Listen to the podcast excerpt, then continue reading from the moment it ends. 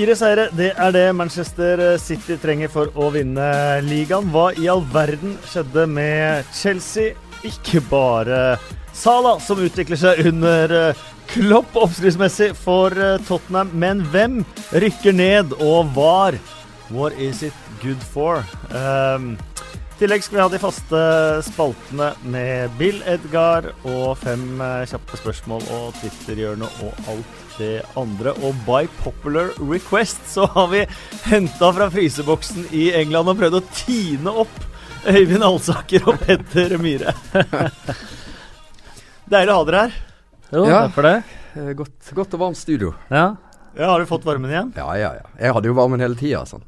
Selv om jeg var eh, skyteskive for uh, kolleger og, og uh, engelske fans. Så uh, hadde jeg sovepose med for første gang for, etter 25 år med iskalde bane. Og det var faktisk så vellykka at jeg Det kommer jeg til å fortsette med. Jeg har vært frossen helt i dag, helt til jeg kjørte feil i Oslo by. Én eh, en sving feil, og da valgte jeg å kjøre 20 minutter for å komme meg på rett spor igjen. Så da ble jeg rimelig varm i toppen i hvert fall. Så det begynner å forplante seg nedover. Eh, Jeg har ikke prøvd det, Eivind, men uh, komme på presserommet der med alt som er av kommentatoreksperter og tidligere spillere og alt med sovepose Ja, men den ligger jo skjult i, i bagen. Det er det fine at på Gantrin så er du litt skjerma fra, fra de fleste, da, men du har kolleger rundt deg. Det som er fint, er jo at uh, min danske kollega Hans Christian, han uh, har jo gjort det her lenge. Så jeg var jo ikke alene. Og han har tatt et steg videre. Han kjørte elektrisk pute på setet, så han fikk varmen opp der òg. så det er jo faktisk uh, bare fantasien som setter grenser her. Han, han fikk jo ideen, for det, den danske ligaen er jo uh, nesten ja, tilnærmet ja, nesten tilnærmet, tilnærmet engelske i forhold til når han spilles. Så det er jo bikkjekaldt i halvparten av matchene i, i Danmark der. Så der han fikk ideen fra. Ja, for Kona også nevnte det da hun så deg i sovepose, før jeg så det bildet med, med varmeputa. At hun bare Hvorfor har gått på Bedre Liv og kjøpt sånn der elektrisk varmeteppe å legge på stolen? Så det var jo åtte år seint ute med det rådet der, da. Men jeg ble nesten så jeg gleda meg til å fryse på match. Men, det, men det har jo endra seg litt. Altså, øh, det er en grunn til at vi har venta så lenge, tror jeg, med å tenke tanken nå. Eh, for det er, det er litt sånn dress code, men den er på vikende front i England. Mm. Slipsene blir færre og færre. Og så er det veldig øh, viktig å ha riktige sko, ellers så får du høre det. Men han floor-manageren som var Fashion Police, han har han har uh, stepped down. Så det har gjort det enklere å, å velge litt varme, komfortable sko osv. Og, så og så er det Det er liksom uh, litt tøff, røff tone på kommentatorplass. Så jeg, jeg gruer meg jo litt til den turen. Jeg gjorde det. Men uh, det gikk veldig fint. Så uh, Nei, så jeg er, jeg er all for it. Og normalt på Det vet jo du òg, på, på Emirates så sitter jo du nesten midt blant fansen. Jeg hadde jo en episode der hvor det kom en løstann flyende gjennom, uh, gjennom lufta der, så jeg måtte plukke opp og gi til han bak meg igjen. Så, så jeg var litt spent på reaksjonene til Arsenal-fansen, spesielt utover kampen når det ble uh, største resultat der. Om Øyvind skulle få høre det, men eh, han slapp billig unna. Altfor billig Jeg unna. tror de var for opptatt med å slå floke, for det var Det der var Jeg har tenkt masse på det. Er det det kaldeste jeg har opplevd? Jeg tror faktisk det er det, altså. Um, jeg har tre, kamp, tre kandidater. Det er denne. Så er det uh, City Liverpool. Det var 3. januar på Etihad. Da blåste det sånn at monitoren, som var den gamle typen den gangen, altså sånne med sånne dype, Mm. tunge, svære saker, uh, holdt på å blåse ned av bordet, altså, og ned på supporterne. Og det tredje var òg i London. Det var Crystal Palace. Jeg lurer på om det var mot United. Det er ganske mange år siden. Da var vi òg inne i mars. Og jeg skjønte at her Jeg har jo ikke i nærheten av nok klær til å håndtere den kampen der. Så jeg gikk jo ut for å handle varme klær. Men 1. mars så uh, introduserer de Spring Collection. Så ingen hadde noe igjen av uh, varme klær. Så jeg kom jo med verdens styggeste skjerf, så jeg fant i en sånn bøtte på salg. Eh, og var litt yngre den gangen, så sikkert mer robust. Jeg tror det er litt sånn aldersgrense òg på dette med sovepose og sånn. Når man, har, når man begynner å trekke på årene, så, så er det greit. Det, det er ca. ti år til jeg kjører sovepose. Ja, for det er mange som tror at når man kommenterer i England, så sitter man inne i varmt rom og sånn. Det gjør man jo ofte i Norge. Ja. Der har man kommentatorbokser med vindu foran og en varmeovn under og sånn. Men i I, England så i, sitter Norge, I Norge så er vi jo hovedkommentatorene. Ja. Eh, Nå er vi jo bare en, eh, en i gjengen som blir eh, strødd rundt på tribunen der, så Men jeg vil jo sitte ute. Altså det å sitte oppe på Røkkeløkka f.eks., bak de der eh, tjukke vindusglassene sånn. For meg er det en helt annen opplevelse. Jeg elsker å sitte ute. Og det er jo ikke veldig mange matcher i året som er der det er et problem å sitte ute. Da. Vi skal ikke Vi skal på ingen måte gjøre jobben vår til, eh, til eh, en sånn byrde, men én ting er å sitte ute og, og kanskje fryse litt. Det andre er jo altså toalettbesøk, da. Da, du, du, altså, dommeren blåser, du har 15 minutter på deg. Det trenger du altså. Og da skal du ut og krige med, med supporterne. Uh, og stå i den der køa og gjette hvem som uh, blir først ferdig når du endelig har kommet deg inn på, på uh, toalettet der. og gå hele den der snegleruta tilbake igjen. Så akkurat det hadde vært fint, da. Om kommentatoren liksom hadde et eget sted å, å, gå på. i hvert, hvert fall en potte som vi kunne pissa ut på Ja. Ja, for du vil jo høre sending og st hva studio snakker om og sånn, så det, det forsvinner jo litt. og må du pisse, så må du pisse. Jeg hadde en på Loftus Road. Det tror jeg er den verste jeg har hatt, for da må du også gjennom hele den gangen med folk på baksida Ja. av tribuna. Og da måtte jeg bare presse meg fram, og jeg tror jeg hadde piss fra under armene og ned hele frakken da jeg kom tilbake på kommentatorplass. Og da, idet jeg satte meg, sa de 'Kasper Vikstad'. Ja, det, ja, og det er mye kaffe og, og sånn. Man sitter jo der og venter, er jo der et par timer før i hvert fall. Uh, så det gjelder å time det da. For det verste som fins, det er jo at du sitter i pausen og tenker det hadde vært godt med å lette litt på trykket, men uh, det er for mye styr. Så du velger å bli sittende, og så får du en kjempekamp. Og så, når uh, fjerdedommer kommer med lystavla, og det er liksom fem minutter, så bare kjenner du inni deg Nei! Selv om det er en fantastisk kamp som lever der det er nerver og alt sånt. Det er jo trist. Når du liksom bare har fokus på én ting da, og det er ikke fotballkampen. Så eh, det der er en utfordring. Eh, kjempekamp var en eh, god overgang, for eh, vi kan begynne med gårsdagen. Monday Night eh, Football. Det er ikke alltid de leverer, men mm. noen ganger leverer det så til de grader også. Tidlig andre omgang tar Crystal Palace eh, ledelsen eh, 2-0. Derfra ut vil de vel helst glemme det aller meste, og på overtid så satte Nemanja Matic inn eh, 3-2 til Manchester United. Første gang på nesten fem år. De har snudd en kamp etter å ha ligget under til pause. Eh, Første gang denne sesongen uh, Crystal Palace slipper inn på overtid. Uh, jeg klarte å jinxe den uh, Neste sesongens eh, jinx, får vi nesten kalle, kalle det der. Ja, det der, det der jinxe-greiene. jeg husker jeg kommenterte jo mye sammen med Morten Langli før, og det kommer jo fra travbanen. På travbanen så er det jo sånn hvis du melder at nå, se, sjueren han leder, dette går bra, liksom, da, da får du nakkeskudd omtrent. For da, liksom, da, da har du jinxa hele greiene. Går det gærent da, da blir du hivet ut av lokalet der. Og, og de der greiene, det har jo tatt helt overhånd. Nå ser jeg folk driver med det hele tida. Og jeg tenker at det, Akkurat som det er en oppe i himmelen der som driver og holder eh, regnskap på hvem som jinxer og ikke jinxer og sånn. Og Sannsynligvis så var det den eneste kommentator som jinxa i går. Så de der eh, greiene der har tatt helt overhånd. Og så var Det var jo et mål som lå i lufta, det må vi jo kunne Ja, si. ja, det var jo en si. enveiskjøring der. Men det er jo ja, men det er helt sant. Eh, det er sånn hvis man eh, jinxer gærent eh, lag eh, Folk blir sintere for det enn om du virkelig har vært ufin mot det laget sånn ordentlig. Ja, det er det jeg sier. Det er tatt, folk har mista det. Det er bare fjols. Jo, men det å være supporter er jo, eh, er jo eh, lidelse mer enn noe annet. Mm. Det er jo mer lidelse enn lidenskap. Så det siste, og alle supportere jeg kjenner er pessimister helt til Mm. de har vunnet. Helt til fløyta går. Og det du ikke vil høre da, er at dette går bra. Ja. Nei, det gjør det. Selvfølgelig går ikke dette bra. Det er jo derfor det skaper så enorm eh, frustrasjon og sinne sant? når du kommer med en sånn her eh, variant som det der. Men skal, vi, ja, skal vi begynne med å gi velfortjent ros til José Mourinho, eller skal vi snakke litt om eh, at Roy Hodgson uh, mista grepet på matchen? Vi kan ta begge deler. Og først og fremst så er det jo Det er jo sånne kamper eller sånn som annen omgang som vi ønsker å se. Det var jo for så vidt en OK førsteomgang òg. og det er jo åpen fotball. Eh, vi satt jo hadde jo det motsatte med Manchester City eh, eh, og Chelsea eh, i helga. Og når du får en sånn kamp som i går, så det, er sånn du, det er sånn du har lyst til å se hver hver gang du setter deg ned. Og så er jeg full forståelse for at det ikke blir det. Og noen ganger så er resultatet viktigere enn uh, mye viktigere enn en underholdninga. Men det er jo sånn som Manchester United fremstår i den andre omgangen. Det er sånn vi husker de. Det er sånn vi husker de på det beste. Det er sånn vi ønsker å se de mye oftere.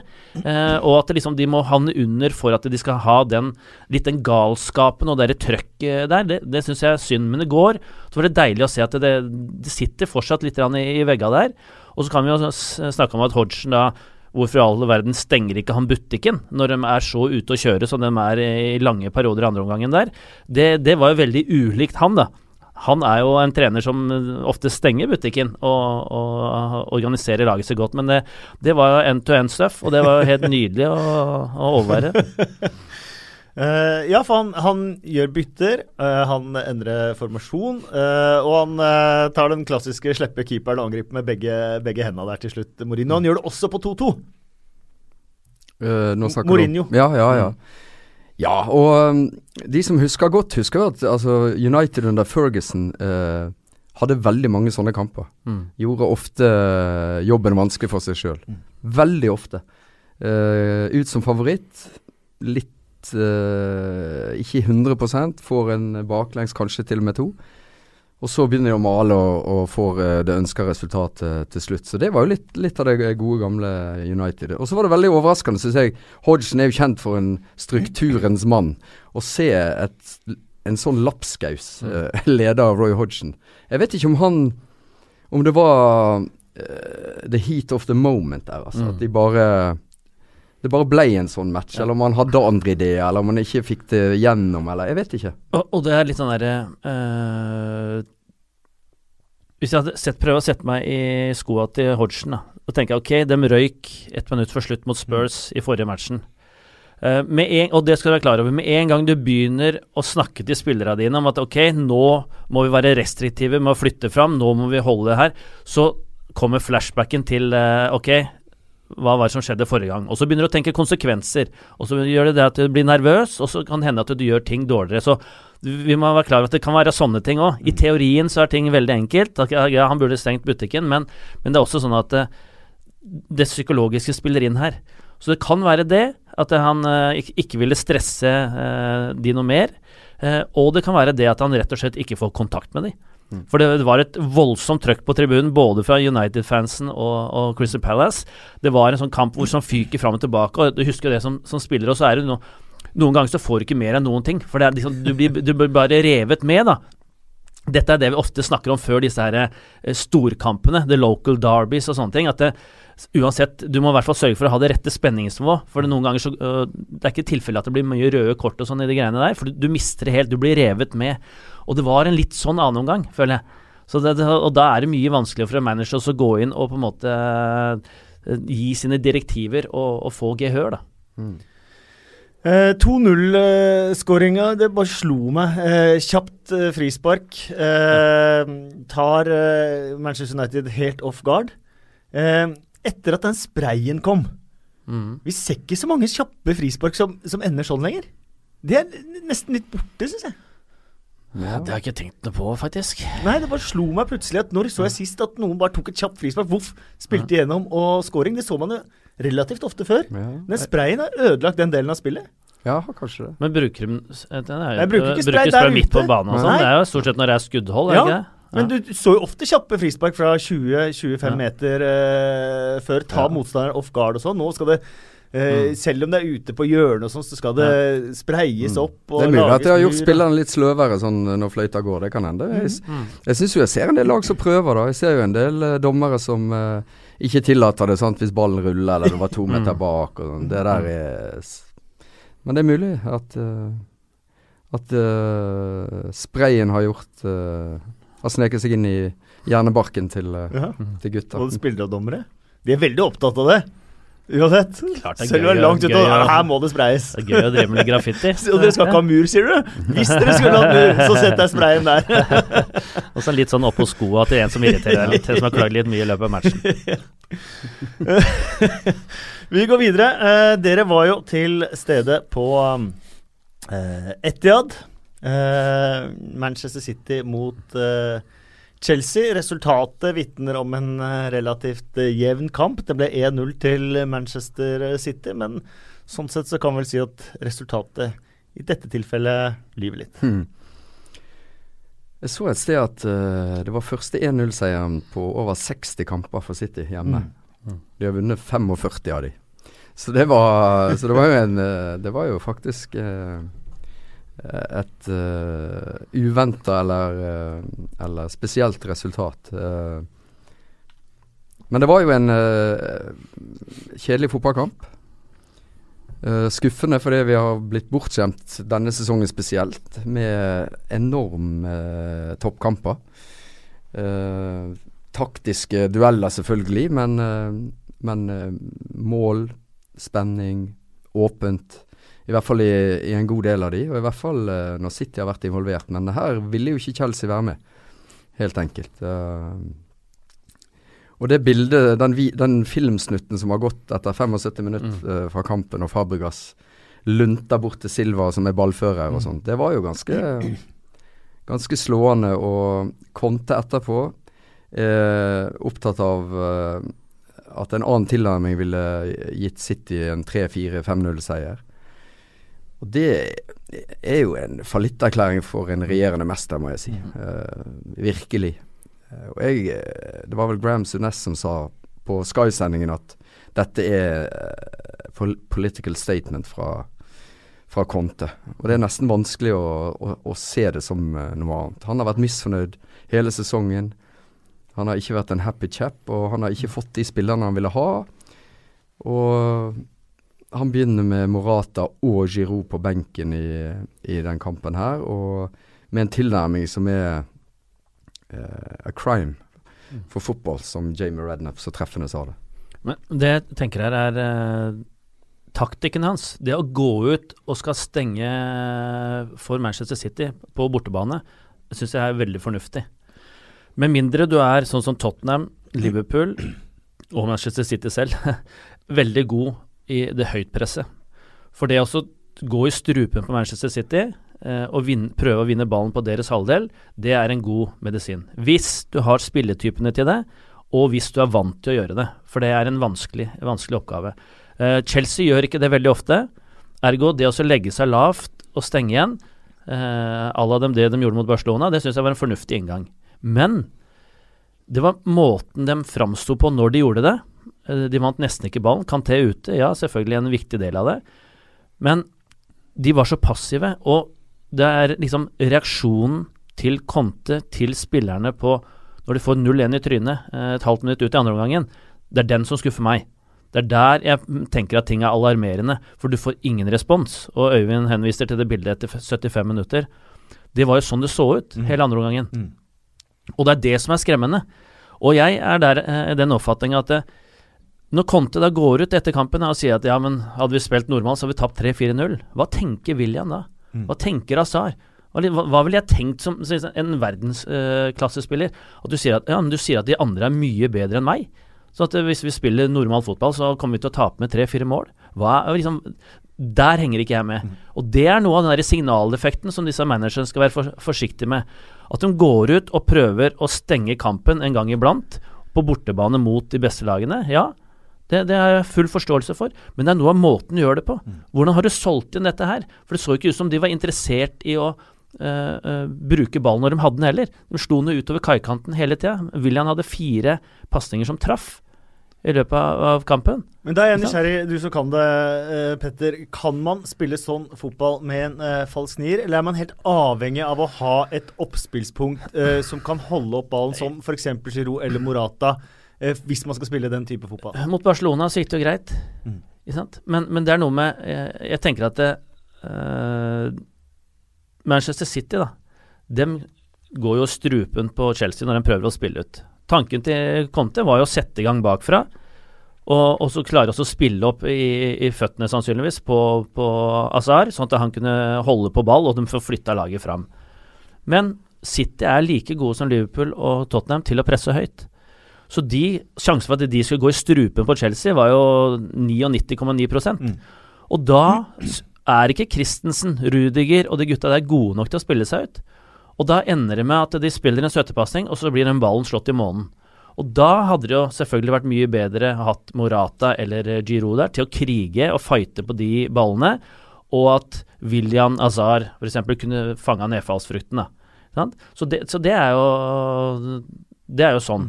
Eh, og så er det også det at det, med Azar som en kantspiller, defensivt, da, så gjør han en dårligere jobb enn f.eks. Pedro.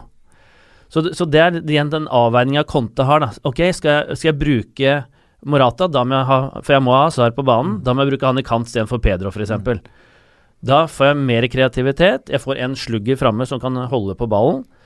Men jeg mister noe i det defensive. Og bekkene til City er ekstremt viktig i eh, det etablerte spillet til, til Manchester City. De kommer hele veien. Derre indreløperen, bekken, kantkombinasjonene til Manchester City er jo Conte fullstendig klar over. Så da han kanskje tenkte at ok, det blir for risikabelt å ha han der, derfor velger jeg å bruke som spiss isteden. Så det, dette er masse avveininger her, da. Og så hadde de en god opplevelse mot Barcelona, eh, som jeg tenker er bakgrunnen for valget. Men, og, og, og det, det, kritiserer jeg ikke i det hele tatt, men jeg kritiserer måten de reagerte på, mm. måten de framsto på, måten han snakker på i forkant, etter, eller etterkant, sorry, eh, og, og, liksom Der henger ikke jeg med. Når, når disse topp seks-lagene eh, møter hverandre, og det ene laget går og sier at nei, hvis ikke vi ødelegger denne kampen her og legger alle mann i forsvar, så har vi ikke kjangs. Den, den kjøper jeg ikke. Så mye penger som disse her lagene her har brukt, da må de by. Eh, at, at Burnley gjør det, at Stoke gjør det, Uh, at Westham gjør det, osv., osv. Mot, mot disse her topplagene på bortebane. Det, det, er sånn det er, og det, og det, faller meg helt naturlig. Men liksom Nei, de er så gode, så her har vi ikke kjangs. Nesten sånn uh, andre runde i cupen når du møter eh, League One-lag og sånn. Det, der henger jeg ikke med. Han kunne jo brukt Morata Giroud og Azar bak. Det har han jo gjort i toppkamper borte denne mm. sesongen. Ja, 3-5-2. Med, med, med ja, 3-5-1-1. Mm. Atletico Madrid som ett eksempel. Uh, det som var åpenbart òg, var jo at uh, Azar var meget misfornøyd med, mm. med rollen sin. Uh, og ikke hadde lyst til å være utpå der og spille spiss. Uh, hadde vel ikke én touch i 16-meteren til, til City. Når det er sagt uh, United møtte City på Old Trafford. De har jo Lukaku på topp, som jo uh, mange vil regne som en klassisk target mann. En svær uh, spiller som er rask i tillegg. Uh, og to raske kanter. Og City sto jo på midten med sin backfirer. Mm. Og United fikk jo ikke til noen ting. Mm. Så det er jo ikke, det er jo ikke dermed sagt at uh, ved å gjøre det sånn eller slik, eller nei, sette innpå Morata, så hadde det, det, løst noe. City er jo et fryktelig godt lag, men det er jo en fallitterklæring uh, å reise dit som regjerende mester og nærmest drive sånn der uh, damage limitation. Mm. Det er jo det. Signalet til spillerne, til omgivelsene, og, tror jeg, signalet opp til styret i Chelsea virker å være nesten like viktig som å få med seg noe fra den kampen. Eh, og sånn er det. Og det ga jo en eh, nitrist forestilling, egentlig. Pep Guardiola fortsatte med denne gule sløyfa si, som han ble advart mot før ligacupfinalen, til støtte for katalanerne i, i Spania. har godtatt at han skal etterforskes for det, for antakeligvis bot. Det er litt sånn Pandoras eh, eske som eh, åpnes med sånne ting. Samtidig så eh, er det vel FA på mange måter som har åpnet dette med sin egen markering av Remembrance Day, eh, som også er en eh, slags politisk eh, markering. Men sjefen i FA, Martin Glenn, som da mente at man ikke kunne ha politisk symbol som davidstjernen, hakekors og bilde av Robert Mugabe. Det var de eh, tre tingene han satte eh, likhetstegn med. Han har det med å tråkke salaten, Martin Glenn, men denne her er dyp. Ja. Uh, horrible eksempler som han selvfølgelig måtte ut og, og beklage i, i, ettertid. Det er jo selvfølgelig uh, et minefelt, uh, dette med politiske symboler og å blande politikken inn i, i fotballen. Uh, og det er uh, følsomt. Og dermed er det veldig lett å trå feil. Eh, personlig så har jeg eh, Jeg har litt respekt for eh, Pep Guardiola. Eh, jeg er først og fremst et menneske, og så er jeg manager.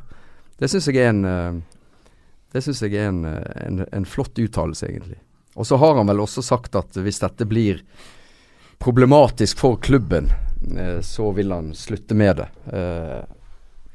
Man er samtidig manager for, eh, for en klubb som har eh, eiere og stor innflytelse steder hvor menneskerettigheter ikke er tilstedeværende i det hele tatt. Ja, det er akkurat det. Og da eh, Ja. Hvor begynner du, hvor slutter Mm. du? Det, det er det som gjør sånne saker veldig delikate, da. Mm. Uh, og det kan du nesten ikke forlange at Pep Guardiola med en, en sak han brenner så sterkt for, skal eh, eh, ta inn over seg og håndtere alle de moralske dilemmaene som ligger i potten her. sant? Eh, men de er der, og det må jo FA som ansvarlig organ forholde seg til. Og det kan de jo gjøre på en mye mer elegant måte enn uh, de eksemplene du nevnte der. Uh, ja. Men det er jo ikke sånn at en kan slippe løs alt. Eh, Nei, man kan jo ikke det. Det er, det er veldig veldig delikat, uh, som du sier. Vi kvitterer ut uh, den matchen der. Dere var også på Anfield. Um, så selvfølgelig Mohammed Salah skåre igjen. Um, Salah prater vi om så å si hver eneste podkast, og det er ikke så rart, for han skårer jo hver eneste gang. Det var sjuende kamp på rad eh, han uh, skåra nå. Ehm, men den som eh, ble dratt fram i etterkant, og som er eh, spennende, det er jo Alex Oxlade Chamberlain, som eh, mange lurte på hva i all verden eh, Liverpool skulle bruke eh, Hvorfor de skulle bruke så mye penger på, på den eh, spilleren. Men, og vi har snakka mye om Pep Guardiola, hvordan han også har utvikla enkeltspillere. men eh, det har da vitterlig Jørgen Klopp gjort òg, og jobben han har gjort med Oxlade Chamberlain er jo nesten sensasjonell, den òg. Ja. Eh, jeg så Lampard på Match of the Day lanserte uh, Oxlade Chamberlain eh, som midtbane for England i VM. Eh, de er jo raske på avtrekkeren ofte, i, eh, altså ekspertene i England. Men det er klart Frank Lampard, altså, han, i- han har tyngde hos meg. Og han analyserte da hvorfor han mente det var sånn. Og det viktigste poenget hans var vel at Oxlade Chamberlain har noe som de andre mangler. Og det har jo Klopp også sett. Eh, og det han har, er jo det der eh, rykket eh, som Liverpool eh, er veldig glad i. Sant? Hvis du, de vinner ballen gunstig, som de veldig ofte gjør. Hvis du har en da som tar med seg den ballen veldig hurtig, som han gjorde i andre omgang, spesielt mot Westham, fantastisk måte, eh, med en målgivende vel, og en som burde vært eh, assist i tillegg. Eh, det så vi jo igjen nå mot, mot Newcastle. Det der drivet han har, det er det kanskje ikke så mange andre kandidater i sånn indreløperrolle for England som har. Eh, det har Klopp identifisert, og så har jo Oxlade fått et løft gjennom å spille der han ønsker å spille, sentralt i banen. Eh, det tror jeg har litt å si. Og så ser vi jo på statistikken at han nå løper mye mer, og han spurter mye oftere enn tilfellet var i, i Arsenal. Og det er jo det er jo ikke noe uvanlig at en spiller eh, skifter beite og kommer i nye omgivelser og under vingene til en ny trener og dermed får et løft. Men her er det veldig konkret hva Klopp så, eh, og hva han har villet utvikle. Og allerede, for det ganske tidlig i det første sesongen, så ser vi jo at uh, Oxlade Chamberlain har noe å fare med, da. Og så, og så er det jo sånn at eh, Øyvind har helt rett, engelskmennene er veldig raske på avtrekkeren.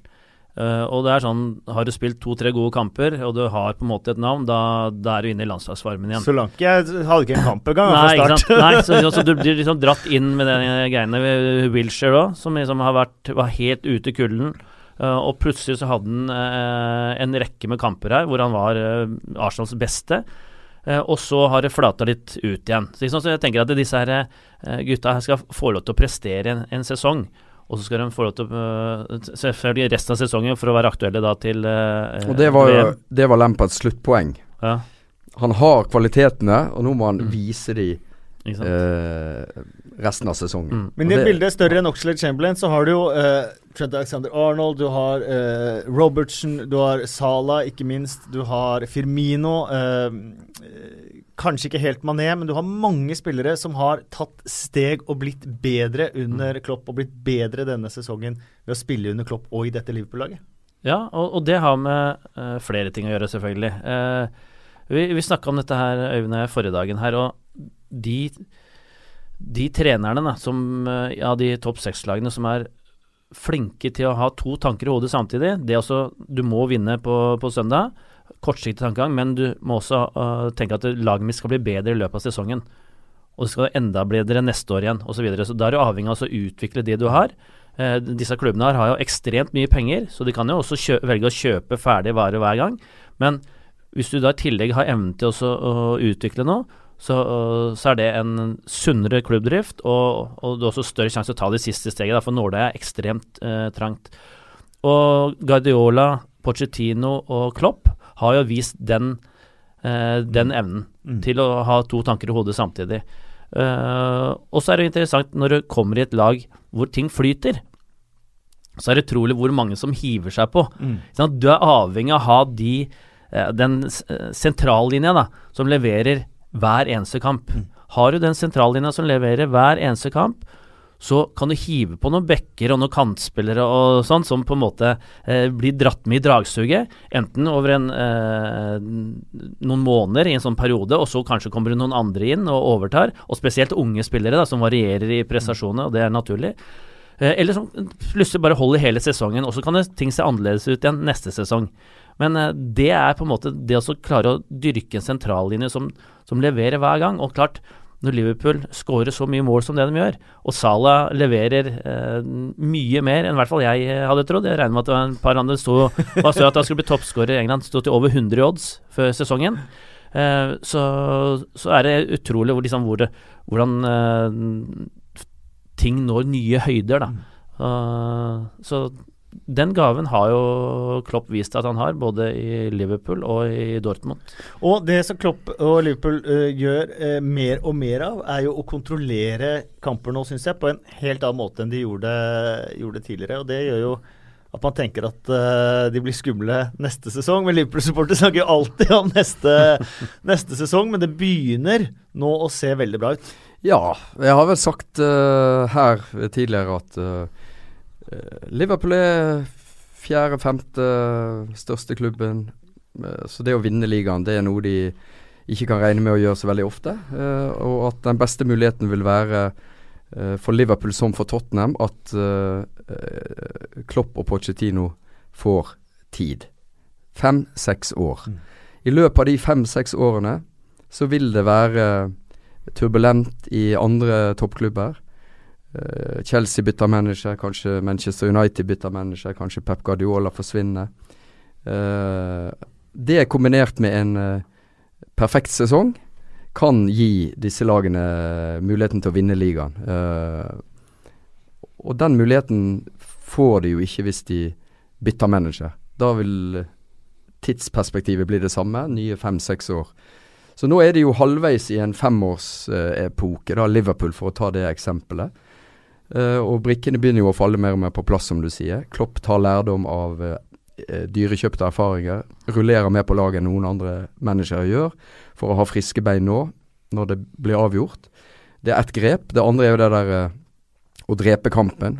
Ikke alle mann i angrep når eh, de har 2-0 og, og heller kontrollere osv. Så, videre. så jeg er helt overbevist om det. At uh, ja, hvis uh, Klopp får fortsette, og et av disse andre lagene som har større ressurser og i utgangspunktet bedre muligheter til å vinne, av en eller annen grunn havner i, i en dårlig sesong, som er veldig fort gjort. Se på Chelsea denne sesongen.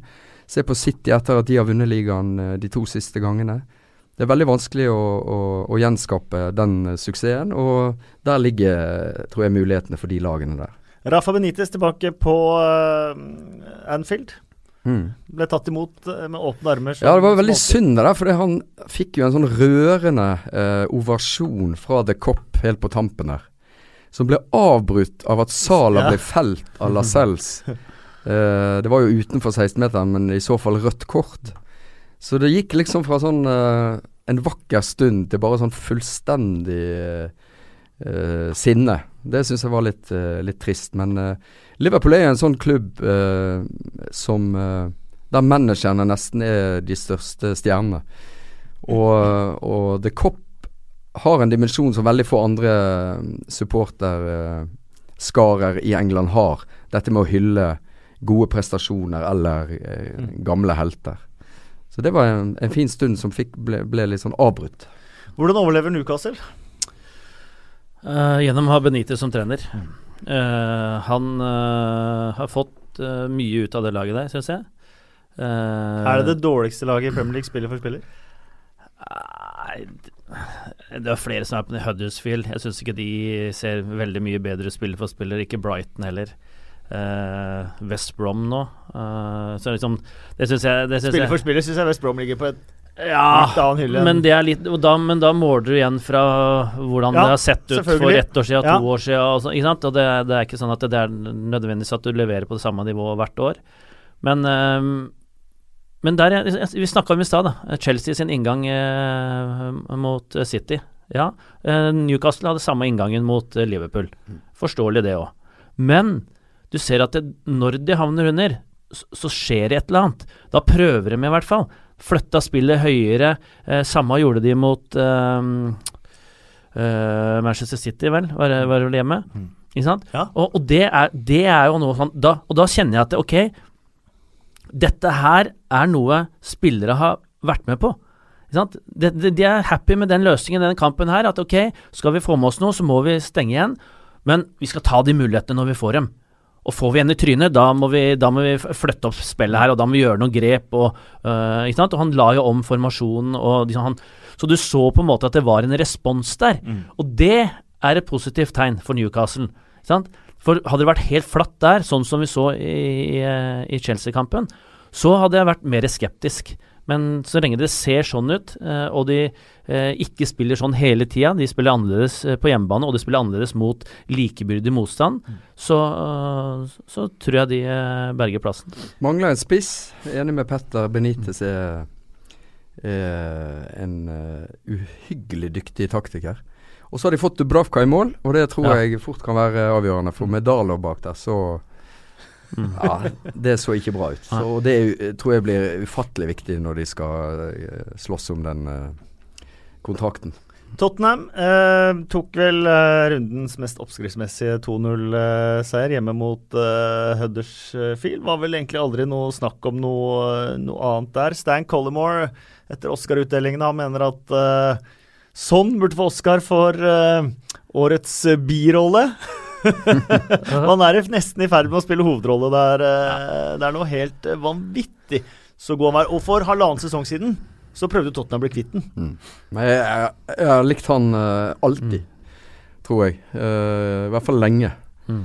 Uh, og det jeg liker med sånn, er at det skjer noe rundt. Jeg liker spillere det skjer noe rundt. Det er mange gode fotballspillere som står der, får ballen i beina og gjør noen fine ting, men jeg tror eh, de som løper så mye og smart som sånn, og i tillegg er så altså, god fotballspiller, de tror jeg eh, eh, har et lengre liv og leverer mer til eh, bunnlinja. Mm. Uh, og sånn er en sånn spiller. Sånn er en sånn spiller. Sånn, han, sånn. han er en annerledes spiller. Mm. Uh, sammenligna med hva de har der framme. Uh, og jeg hadde jo jeg diskutert dette en del med Tottenham-fans, og mange mener at eh, Lamela bør spille istedenfor sånn. Jeg hadde valgt sånn sju av sju dager i uka. Eh, først og fremst for, for spilletypen han er. Eh, det skjer mye mer, det er mye mer end product. Og han er den som passer best til de andre. Når Lamela skal begynne å, å tråkke og, og dra ned spillet, så hemmer det Eriksen, som, som er den kreative spilleren. Når det, Lamela tråkker på ball og, og senker spillet, og Del Alli går på de gjennombruddsløpene sine, så, så får han ikke de pasningene. Så, så selv om Lamela er en god spiller, så Og, og Pochettino har ser vel noe annet enn det jeg ser, da. For han har jo valgt å bruke den eh, en del ganger nå istedenfor for sånn. Så med mindre det er noen taktiske ting eller som jeg ikke har fått med meg, eller at det har vært eh, noe slitasje på sånn, det kan jo være sånne ting òg, eh, som, som ligger bak, så hadde jeg valgt eh, sånn eh, alle dager i uka. Ja, han har jo hatt noen av disse avgjørelsene Pochettino som har vært vanskelig å forstå med bruken av Sissoko noen ganger, noen ganger av Aurier og sånt. Han bruker denne rotasjonen ganske Han er ganske sta på det, selv om eh, resultatene kanskje har blitt vanskeligere å, å få noen ganger med, med, med den rotasjonen. Jo, men rotasjonen og den lange tanken, den støtter jeg 100% Men det har vært noen ganger hvor jeg tenker at eh, nå har det ikke vært behov for noen rullering. Liksom, men, men, han sitter med den gjengen der hver dag. Ja. Så, så, han og, og, og tro at uh, vi skal være i nærheten av å ha så god kontroll som det Pochettino har, det, det er jo bare fjås. Men uh, sånn, når det kommer opp til diskusjonen hvem Hvis du kunne uh, stilt den beste elveren din, da, uavhengig av mm. tidspunkt og motstander og alt, liksom, hvem hadde du brukt? Mm. Da hadde jeg brukt sånn. Men det tror jeg Pochettino er enig i. Det tror ja. jeg han er enig i. Men, uh, men, det er klart, det fitnessregimet hans og ja. det detaljnivået ja. det driver på antall minutter og Det er jo så avansert vitenskap, sant. Mm. Så det, det, må vi nesten bare respektere. Men sånn har blitt en integrert del av den uh, kvartetten på topp for, for Tottenham, egentlig. Uh, det er mye som ikke er integrert i Arsenal uh, for tiden. Brighton de luktet uh, blod. slo Arsenal 2-1 hjemme på Folmer, eller Amex Stadium. fjerde tapet på rad for Arsenal. De har tapt åtte av de siste 13. Laura Karselny sier etter matchen at vi spiller helt uten selvtillit. Peter Czech, svak involvering på begge Måla tok tapet på sine skuldre på Twitter etterpå. Da gikk han ut og sa If you want to win a game away from home in the best league in the world, your goalkeeper can't concede two goals like I did today. It's simply not possible. The team fought back, but the damage was done. Uh, han uh, skal i hvert fall ha for at Halden står uh, oppreist etterpå, men dette Arsenal-laget og Wenger har vært i trøbbel før. Men dette virker som den dypeste gjørma han noen gang har stått i. Ja, det er jo helt, helt, åpenbart. Og tallenes tale er klar, og tabellposisjonen. De har aldri vært så tidlig ute av, av uh, tittelkampen, om du vil. Eh, I hvert fall ikke på veldig, veldig mange år. Eh, okay, de har 13 poeng borte på 15 matcher, eller noe sånt. Mm, de ligger på nivå med Southampton. Så det er jo, det er jo horrible tall. Og Peter Kjekk er en, en stor mann på alle måter. Det, men, og han er jo en vinner og har, uh, og har uh, vært med på ja, på et av Premier League-historiens beste lag i, i, Chelsea der. Men det hjelper ikke at han er en stor og smart og solid profesjonell hvis han ikke gjør det han må gjøre, mm. og oftere virker det som nå, da, å redde. Og og dermed så forsvinner jo enda en av disse bærebjelkene i et Arsenal-lag som, eh, som, driver for vær og vind, ser det ut som nå. Og vi var på, på Emirates mot City, og, og eh, den apatien som eh, det, det, var jo sinne der forrige sesong, og det var Det har vært egentlig et par år nå, så har det vært en fraksjon mot Wenger i mindre tall som har vært ganske høylytt, og som har uh, kanskje blitt mer og mer høylytt, fått eh, flere og flere stemmer jo lenger det har gått. Men nå er det jo ingenting sånt. For det første var det halvfullt, og for det andre så gikk jo nesten alle før det var slutt. Og for det tredje så var det ingen som ytra. Jeg så ikke én Wenger out-plakat, eller hørte ikke noe uh, av det. Det var bare uh, resignasjon over hele linja. Og, um, og Wenger Altså, for meg nå så, så ser han ut som en sånn en anakronisme, en mann, eh, en, en mann fra en annen tid. Mm. Altså Der Ferguson alt, Fergusons overlevde gjennom sosiale medier og, og uh, lønnsøkninger hinsides, og, og, fotballspillerne ble store stjerner og agenter, alt det her klarte jo Ferguson på en eller annen måte å, å stå i, og likevel være sjef, og likevel få det laget til å vinne ligaen. Mens mens Wenger blir drevet fra skanse til skanse. Han, ikke, han er jo en prinsippfast fyr. Han er beundra og elska av, uh, av engelskmenn, uh, engelske medier. for det, av, nettopp av den grunn. Lojaliteten til kontrakten med Arsenal. Som det selvfølgelig er meningsløst for han å trekke fram nå, når ingen er interessert i å, å signere han bortsett fra en sånn sportsdirektør. Men han har jo han har stått for veldig mange sunne prinsipper. sant? vil ikke betale for mye for spillere osv. Men faktum er jo at han må betale for mye for spillere. Han må være med på den karusellen, og han, han har liksom han har liksom ramla på den karusellen. da. Uh, I stedet for å, uh, å velge det å gå aktivt. Han, han, ville ha en britisk stamme med unge spillere. Sant? Vi kan jo liste det opp. Sant? Carl Jenkinson, uh, Gibbs. Gibbs. Chambers, Oxlade, Ramsey, Wilshere, Walcott. You name it. Mm.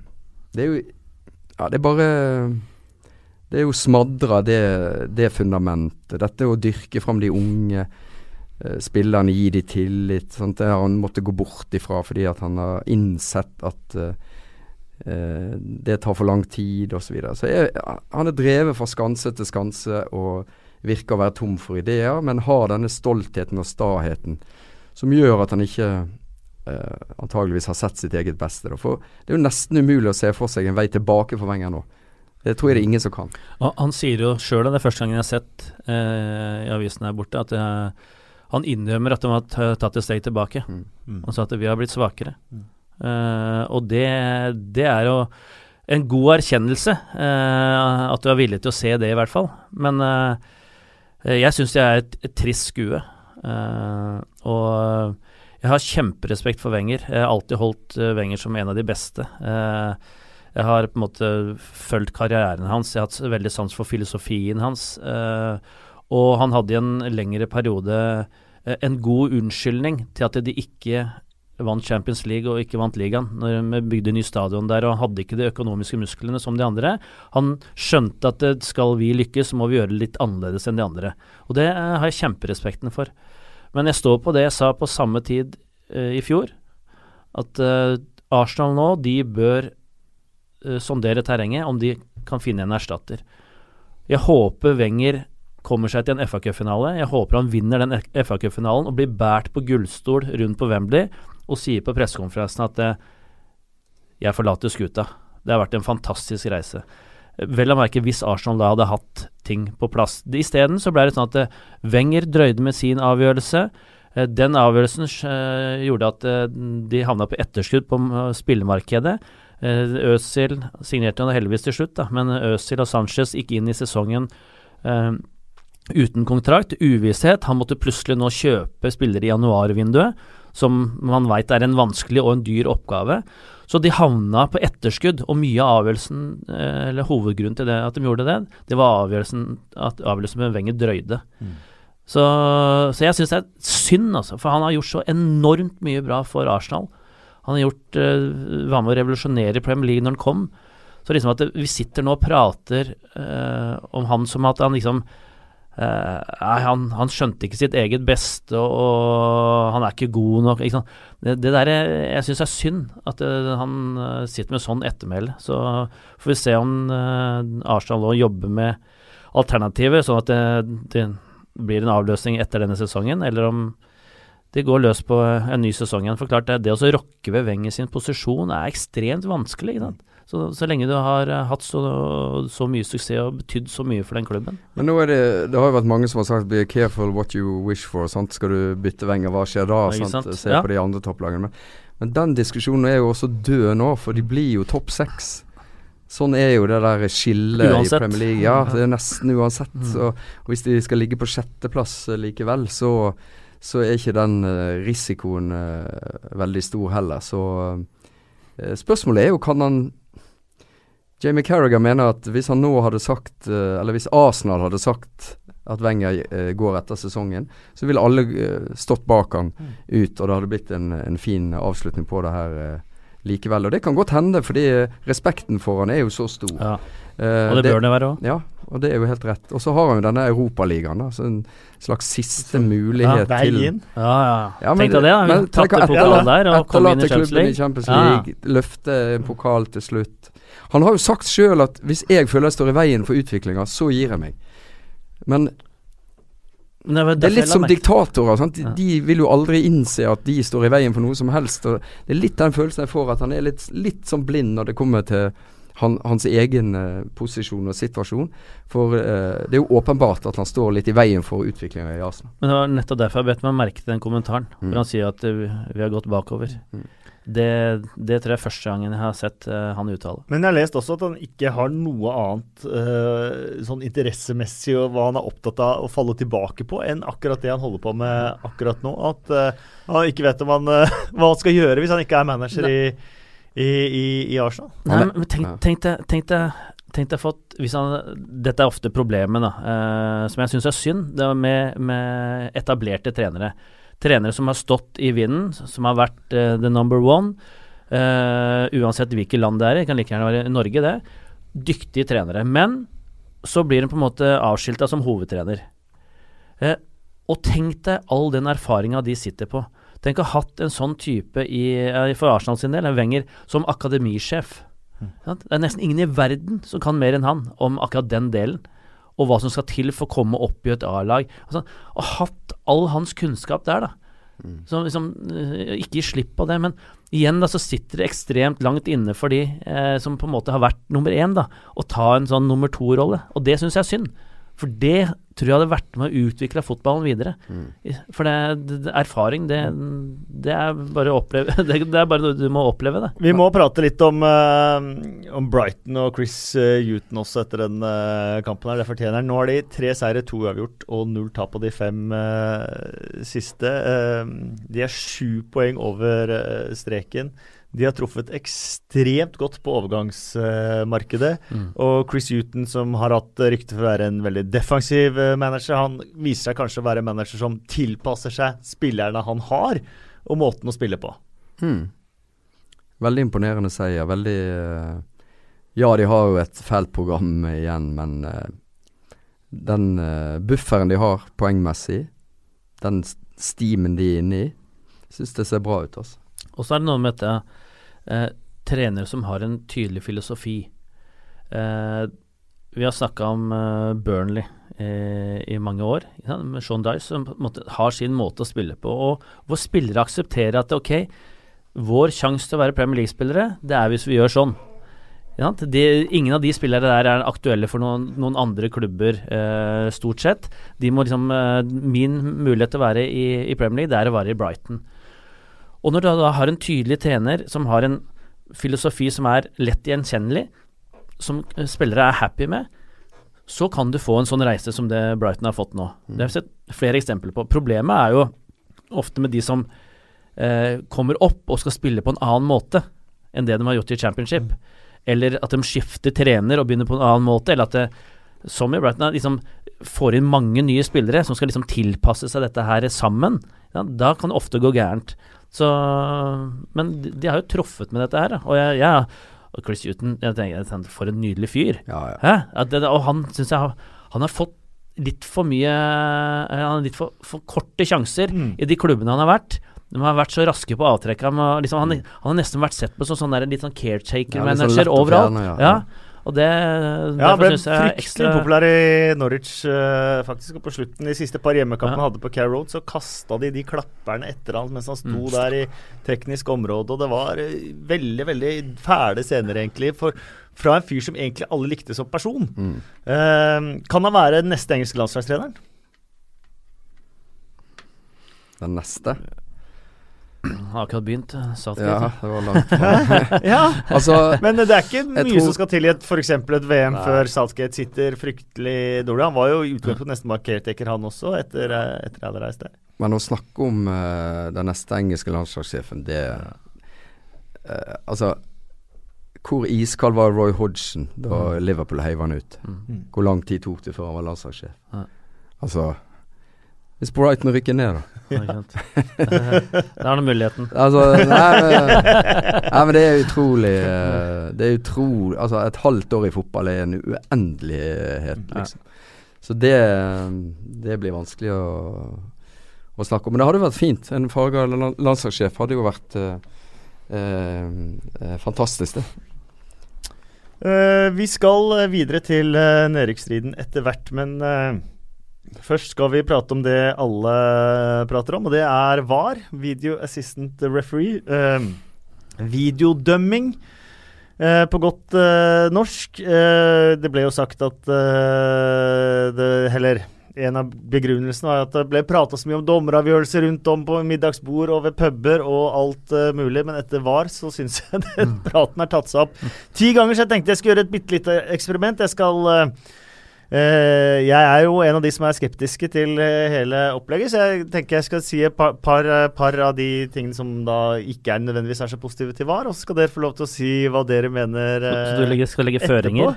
Nei, absolutt ikke føringer. Dette, Nei, ja. dette er mine meninger, og så ja. kan dere begge to være kliss uenige eller enige. Vi har ikke prata om VAR noe sted, vi tre, egentlig, så jeg aner ikke hva dere mener om det, ja. det heller. For det første mener jeg at det er en myte at veldig mange kamper avgjøres av alvorlige dommerfeil. Uh, og det er utgangspunktet for VAR. Uh, uh, sånn sett så, så, så syns jeg inngangen til, til VAR ikke nødvendigvis er noe som har vært et skrikende behov i fotballen, i alle fall. Selv om en del avgjørelser noen ganger trengs å ryddes opp i. Øyeblikksleden. Viktig del av fotballen, viktig del av fotballens sjel, som ofte blir Uh, den blir annerledes, i alle fall. Uh, jeg var på ligacupfinalen eh, mellom Manchester City og, og, Arsenal. Og bare den der vissheten om at der er hvem blir delt i to. Så man må stå blant supportere enten av det ene eller det andre laget når man er der eh, privat og ikke kommenterer. Um, jeg sto da på den lyseblå uh, siden, og man merka det at bare at den vissheten om at VAR var til stede, var at det var en reservasjon over Agueros første mål fordi det ble protestert, og det ble prata 'er dette var', 'er dette var' rundt meg. Eh, før da omtrent helt til avsparket ble tatt om Ja, da kom en liten sånn jubel, jubel til. Det ble annerledes enn det jeg har opplevd skåringsfeiringer eh, tidligere på, på tribunen. Um, Enhver kamp trenger en sterk kampleder. Uh, I hvert fall i de store kampene, til å kontrollere uh, kamp. Uh, til å ta de riktige beslutningene for at en kamp ikke skal skli ut. jeg er redd dommere i større grad slutter å dømme, slutter å lede, når man har en sikkerhetsventil andre, andre veien. Skal, jeg syns utgangspunktet at det skal være de gult, rødt kort, feil identitet. Um, Offside, objektive avgjørelser, altså alvorlige feil, som det også står, synes jeg er et veldig mm. godt utgangspunkt for VAR. Eh, men man ser at man har en sikkerhetsventil på andre ting også. Så er det lett å ty til. Eh, og skjønnsmessige vurderinger kan bli tatt fra en VAR-buss.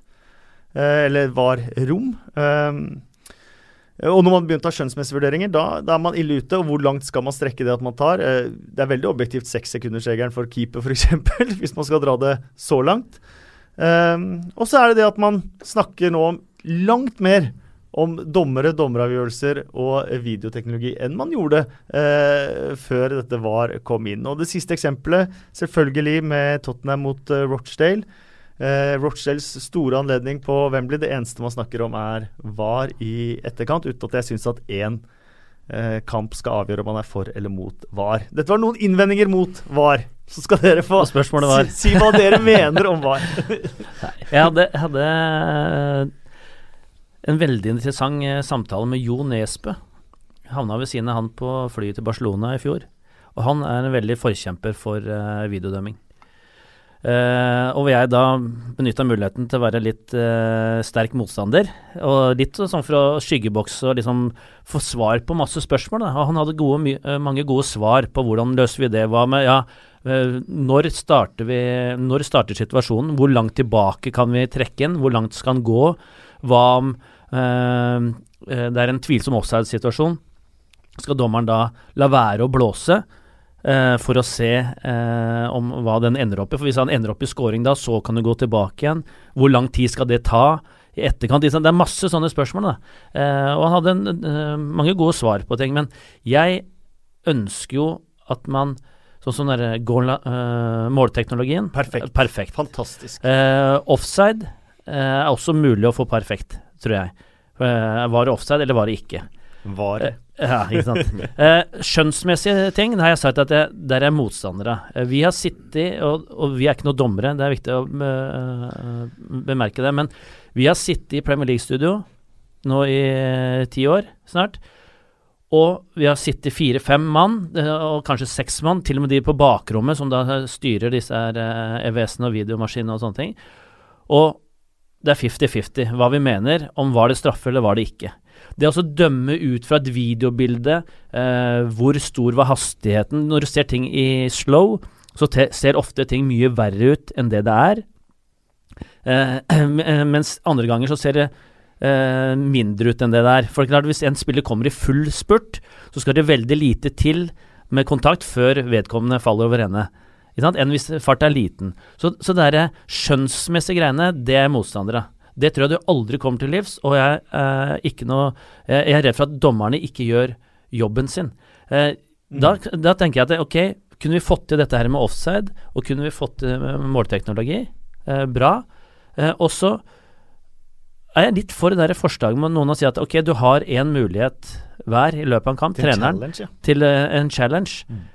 For da, for da, tenker jeg at da blir ikke dommeren påvirka om er det jeg som skal ta avgjørelsen, eller er det de der oppe. Da dømmer han matchen mm. sånn som han er, og så må det avbruddet i spillet da styres av treneren.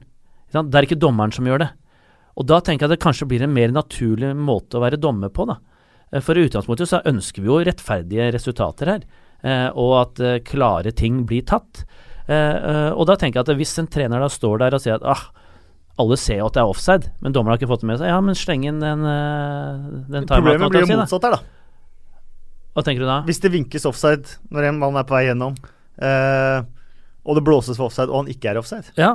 den, den får du ikke tatt, da. Nei, og, da, det er da de sier at det, det, det, hvis du skal ha offside-teknologien, eh, så har de gitt eh, beskjed til assistentene at hvis du er i tvil, så skal du holde duken nede. Da skal du bare latt situasjonen bli ferdig, og så kan man gå tilbake og se. Men jeg tenker at som menneske, da. Du, du står der, og så er det sånn Hvor ofte er du i tvil da, liksom? Som regel du, du, du, altså, Selv når du tar feil, så er, ja, du, så er du som ofte sikker og, og på det. Og folk sier at det, Ja, men det der eh, Jeg husker det var en som kritiserte oss her nå forrige gang, for vi hadde forsvart Jeg lurer på om det var United Ja, Moratas annullerte, kanskje? Det var en, en av kampene hvor det var Ja, Moratas mm. annullerte, ja. Mm. Ikke sant? Hvor er hårfin, uh, kanskje offside. Mm. Men vi vil si at det, det, dette er ekstremt vanskelig for linjedommeren. Mm. Og hvor det, det, tilbakemeldingen fra noen da er at ja, men det er bullshit å mene at uh, det der er uh, greit av assistentdommeren. For det, han skal alltid dømme det angripende lag til gode. Mm. Men poenget er at når du står der, så du, du reagerer jo på instinktet ditt. Ja, han er sikker på at ja, det er offside. Ja. Du, hvis, hvis, tanken din er at det er offside, så, så, slår du ikke inn sånn at det, ja, men det er det angripende laget, så da kanskje det er ikke likevel, så da skal jeg ikke vinke. Det er ikke sånn det foregår. Så, så jeg syns diskusjonen der er ekstremt vanskelig. Og det, jeg husker det siste jeg sa til Nesbø, at det, det eneste jeg er opptatt av, det er at det, det må fungere fra dag én. Mm.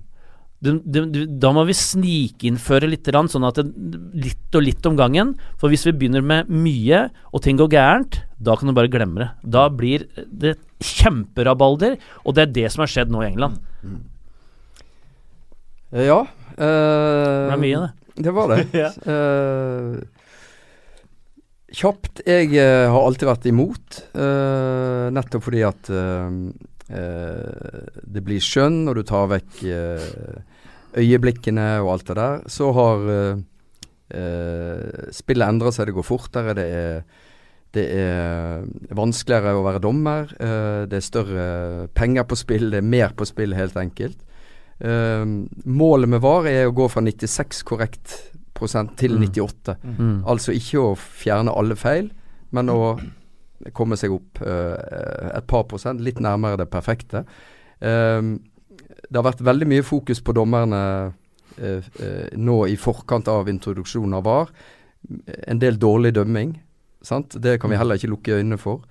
Uh, derfor, når det nå kom forslag, og de begrensningene som var lagt inn der, syns jeg så interessante ut. Mm, helt enig. Uh, og jeg tror uh, det blir helt feil å, å kalle en VAR for en katastrofe allerede nå. For vi kommer til å få se et Altså Det har fotballen alltid vært flinke til. Introdusere ting når det er klart. Mm. Mål, målteknologien var jo var jo der veldig lenge før den ble innført. Mm. Men var den 100 eh, klink? Nei. Altså venter vi til den teknologien var det. Eh, så jeg er ikke så redd for det. Jeg tror fotballen har det i seg at de klarer å bevare det spillet vi er, vi er så glad i. Um, Og så er det åpenbare utfordringer, og de får vi demonstrert nå. Nå får vi det i VM også. Mm. Vi får det antageligvis ikke i Premier League. Confederations Cup i fjor sommer òg. Ja, Mm. Helt farse. ja. Og sånn er det når du begynner med dette her. Så Mm. vil det være sånn. Uh, og eh, du må ha Jeg så han Graham Scott hadde vært VAR-dommer på den Tottenham Mm. Rochdale. Ja, så Du må ha de beste folka på jobb, Ja. da. Det tenker jeg er pri én. Altså. Du kan ikke ha en, en som sitter og ser på TV og syns han har sett noe eh, Jorente gjør galt. Altså, da, da blir det en farse. Sånn, helt åpenbart. Så offside 99 eh, objektivt. Men det vil av og til være skjønn når det gjelder er en spiller involvert eller ei. Skjønn på den måten at ja, det finnes et regelverk, men spør du tre dommere, får du to forskjellige svar. Mm. Altså skjønn. Altså vil du aldri komme på 100 der heller, men du vil komme veldig nær. Uh, på en del av de andre situasjonene er det ekstremt vanskelig, og der, der er det to ting. Det ene er tempoet, Mm. det, og, og det andre er uh, graden av forseelse. Altså det må være klink. Mm. Og så kan VAR gå inn på øret til dommeren. Men dommer må dømme som før. Ta avgjørelsene som før. Og så må VAR-dommer være veldig konservativ, og, Mm. og det må være sånn blatant. Ellers så blir det en, eh, en komedie. Og da ødelegger det fotballen. Det det tror ikke jeg vil skje. Jeg tror ikke de kommer til å introdusere dette hvis det, hvis det går den veien. Og de har det jo i andre land, og de er jo relativt fornøyde med det. Og det er jo ikke sånn at det skal ha øh, Du skal jo bare stoppe spillet én gang i, per kamp, maks. Og hvis, Max, ja. ja, hvis vi er der, liksom. Mm. Men nå er det jo sånn at alle mål skal jo ses gjennom av VAR også. Mm. Det er jo eh, en av greia bare for å dobbeltsjekke at alt har gått riktig for seg. Det er, det er en farlig vei å gå. Så syns jeg det derre Jeg syns det der med Når man får stopp i spillet Momentumen syns jeg er en veldig viktig del av uh, fotballkamp. Det er best beskrevet nesten på Sellers Park i går. Når du ser det ene laget få momentum, det begynner å bli kok på Mm. tribuna. Du begynner å få det trøkket. Du merker at nå er du i matchen. Fansen er i matchen. Spilleren er i matchen. Alle står på tæra. Og skal du ha et to minutters avbrekk for å sjekke Jo, VAR, jo- vil du ødelegge Nei. kompleksiteten i en kamp. Ja, men du skal jo ikke ha to minutter avbrekk. Det er jo det som er hele nøkkelen her. sant? Uh, det, jo, det ser vi jo i dag. Ballen i mål, publikum jubler. sant? Noen jubler kanskje et halvt minutt før de skjønner at det er vinka for offside. Det er jo akkurat det samme. Det er jo akkurat det samme. Det, det, er ikke, det er ikke like lange pauser på det. Nei, Nei. men det, nei, men det, det er jo fordi pausen må ned på VAR. Ja. Hvor fort kan du slå fast at eh, den skåringen skal annulleres? Det må jo være mulig å få ned den tida. Det handler jo om å drille de som skal holde på med det. Det er jeg helt sikker på er mulig. Og da er du, da er du omtrent der at Du ser hvor lang tid det tar før de skjønner at det har vært vinka. Det kan ta ganske lang tid. Det er jo det samme. Ja. Og så er det viktig at dommeren kommuniserer veldig tydelig til publikum. Sant? At de viser det her i firkanten.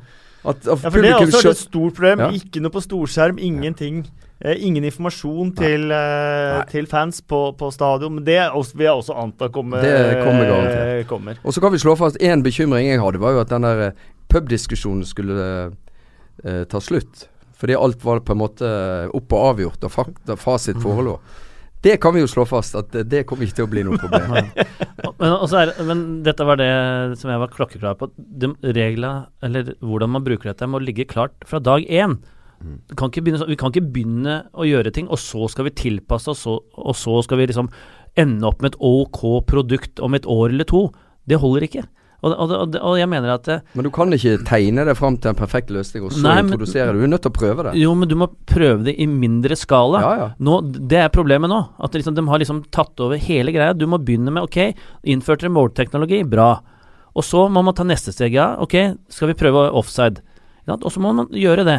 Ikke, ikke sånne skjønnsmessige vurderinger. Og det, dette er eh, Til og med har Clattenburg fortalte da vi satt i studio, at det, eh, den ene matchen hadde hvor det var diskusjon på, hvor man ser at eh, Nå husker jeg selvfølgelig ikke hvem kamp det var, da. Men det var sånn at eh, når du så eh, Når du så situasjonen på, på TV-en, så så alle at det var offside. Men dommerne så det ikke. For da sitter da, disse der VAR-gjengen andre bilder enn det som går ut på lufta. De hadde bedt om andre bilder. Så, de, så den, det bildet som man hadde da på Sky, hvor situasjonen liksom blir oppklart, det hadde ikke de. Derfor grep de ikke inn. Og klart, liksom, Når du begynner på det nivået der, da er det Andeby for meg, altså. Da, det, det går ikke. Du, du, sånne ting må være klart. For, at man, øh, for, da, da, øh, da blomstrer misnøyen med en gang. Og det jeg tenkte, ta det gradvis, dette greiene her. Jeg mistenker at uh, vi kan få det artig i uh, sommer i Russland. Også når uh, det kommer en del dommere som kanskje ikke har prøvd det i praksis i veldig mange kamper også. Vi må ta en tur ned til bunndelen av tabellen. Det skiller altså tre poeng fra 13. til 19.-plass. Det laget som var døde og begravet, det var Swansea. Under Carlos Carvalgal så er det jo ja, Det har vært et av de beste lagene poengmessig i ligaen siden han eh, tok over. Og han kom med masse sjarm. Eh, mm. Hauger av morsomme sitater. Eh, nå var det rock'n'roll mot uh, Westham. De måtte spille den uh, musikken som Westham måtte danse til. Mm. Eh, morsomt eh, bilde. men om ikke vi får kamp om ligamesterskapet, mm. så blir det nedrykksstriden de siste rundene her nå. Den blir fantastisk interessant å følge. Ja, og det som har vært gøy nå, er jo at hadde du spurt 100 eh, personer for uh, seks uker siden, og så hadde du spurt dem igjen i dag, så hadde de sannsynligvis svart helt annerledes, mm. med unntak av West Bromwich. Uh, fordi disse, disse, ulike lagene har kommet inn i, i, mm. I flyten igjen. Swansea, som du nevner. Huddersfield. Mm. Ja, som også var på, på, på nedadgående, plutselig har fått noen, noen, noen seire. Eh, Brighton, som også et av nyopprykka lagene som ja, holder det hele veien, dette greiene her. Eller også har de også fått det til. Mens, eh, mens de som vi forventa, sånn som Southampton, de er for gode til å rykke ned. Eh, Hodgson fikk litt fart på, på Palace og sånn, og så var det plutselig skader der. og så så, så, går det litt tregt igjen. Så, så den der bunnstriden der, det, den blir ekstremt interessant og vanskelig å tippe. Apropos det, Josh Sims sa vel det i sitt postmatch-intervju på Match of Day, at vi er for gode til å rykke ned. Hva sa det? Southampton-spilleren. Det, det, pleier ikke å være et uh... Nei, og det er, det er, jo litt interessant med tabellen nå, da. At de som ligger dårligst til, er jo klubber som kanskje har et annet selvbilde, da. Og det mm. er jo veldig ofte uh, vanskelig. Uh, mens klart nyopprykka lag som Brighton og sånn, de, altså, de lever jo drømmen og ser at det her er mulig. Altså. Så det er klart det er mye lettere å skape en, en god energi der inne. og uh, det kommer eh, kanskje til å bli en sånn her eh, last day-affære der, der mm. tre lag går opp og ned i løpet av de 90 minuttene osv. Det har jo vært noen sånne, og de mm. er jo, de er jo ganske ville de dagene. Da. Ja, Den morsomste er kanskje 04-05, og ja. da var det West Bromwich. West Brom, ja. uh, akkurat, Det var fire lag som alle kunne rykke ned. Ja. West Bromwich lå nederst av de fire, eh, men det var laget som uh, klarte seg. Men det er vanskelig å se en great escape fra West Bromwich nå. Ja. Var det der eh, Var det da Var det Fulham Norwich? 6-1. Ja. ja. Mm, Darren Huckaby har skrevet om den, bok, eh, den kampen ja. i boka. Ja. At, uh, han skrev at i bare garderoben før matchen, så alle ga faen. Ja. Det var, og Norwich var det laget som lå over streken før den siste, siste runden. Mm. Og så var det vel Charlton var vel involvert der. Uh, Southampton også fort. Mm. Ja. ja. det var vilt. Mm. Og, og West Brom kan jo Altså Padio kan jo ryke før før det er slutt. Altså, de kan jo bytte igjen. Ja.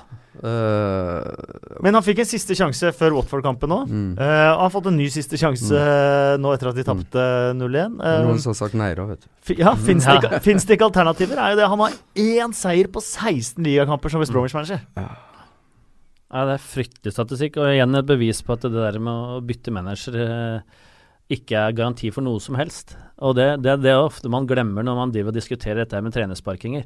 Så sier man ja, man måtte gjøre noe. Mm. Akkurat som om det eh, grepet man tar er nødt til å gi suksess. Det er ikke det klart Når uh, nesten alle lag har byttet trener, da, så er det likevel noen som må, som må rykke ned. ja. Det er Så enkelt er det. Nå har jo, nå har jo de tre nederste lagene bytta trener. Så, ja, og altså, Padu er jo Det har jo Brede Hangeland uh, skrevet under på. En meget dyktig trener. Ja. Um, så hva er det Er det, er det liksom Pulis-fotballen som, som sitter så i at når Pardio skal inn og endre og tweake det, så bare går det helt i, i, i svart, eller hva er det? Ja, for nå har det vært også et par situasjoner med West Bromwich. Uh, før forrige kamp så fikk han kritikk av Chris Brunt, blant annet, som satt på, på benken. Og det virka som var misnøye med uh, Pardios både laguttak og taktikk. Uh, foran denne kampen så tok han vel heller den tilnærming at han lot spillerne bestemme, og lot spillemakta få bestemme litt eh, før eh, Watford. Mm. Eh, nå begynner det å gå liksom Virker som går litt sånn tom, da. Mm. Jeg tenker at eh, det er ikke noe fasitsvar på dette tilnærminga, men når du tar over en klubb som sliter, så er spillerne ofte veldig søkende. De er, eh, mange av dem er happy for at eh, det forrige regimet er borte. De trenger en forandring for forandringens skyld, og da er de ofte veldig lydhøre. Men hvis du da ikke får suksess, så havner det fort tilbake til den gamle tralten igjen. Mm. Ja, for For da, da blir det en trend. og det, det, det ha, eh, er liksom eh, en gjeng med dårlige opplevelser. Akkurat som det blir motsatt av det som vi snakka om Liverpool i stad. Spillerne hever seg, blir litt bedre enn det de er pga. selvtilliten, noen. Mens disse blir jo dårligere enn det de er eh, i utgangspunktet.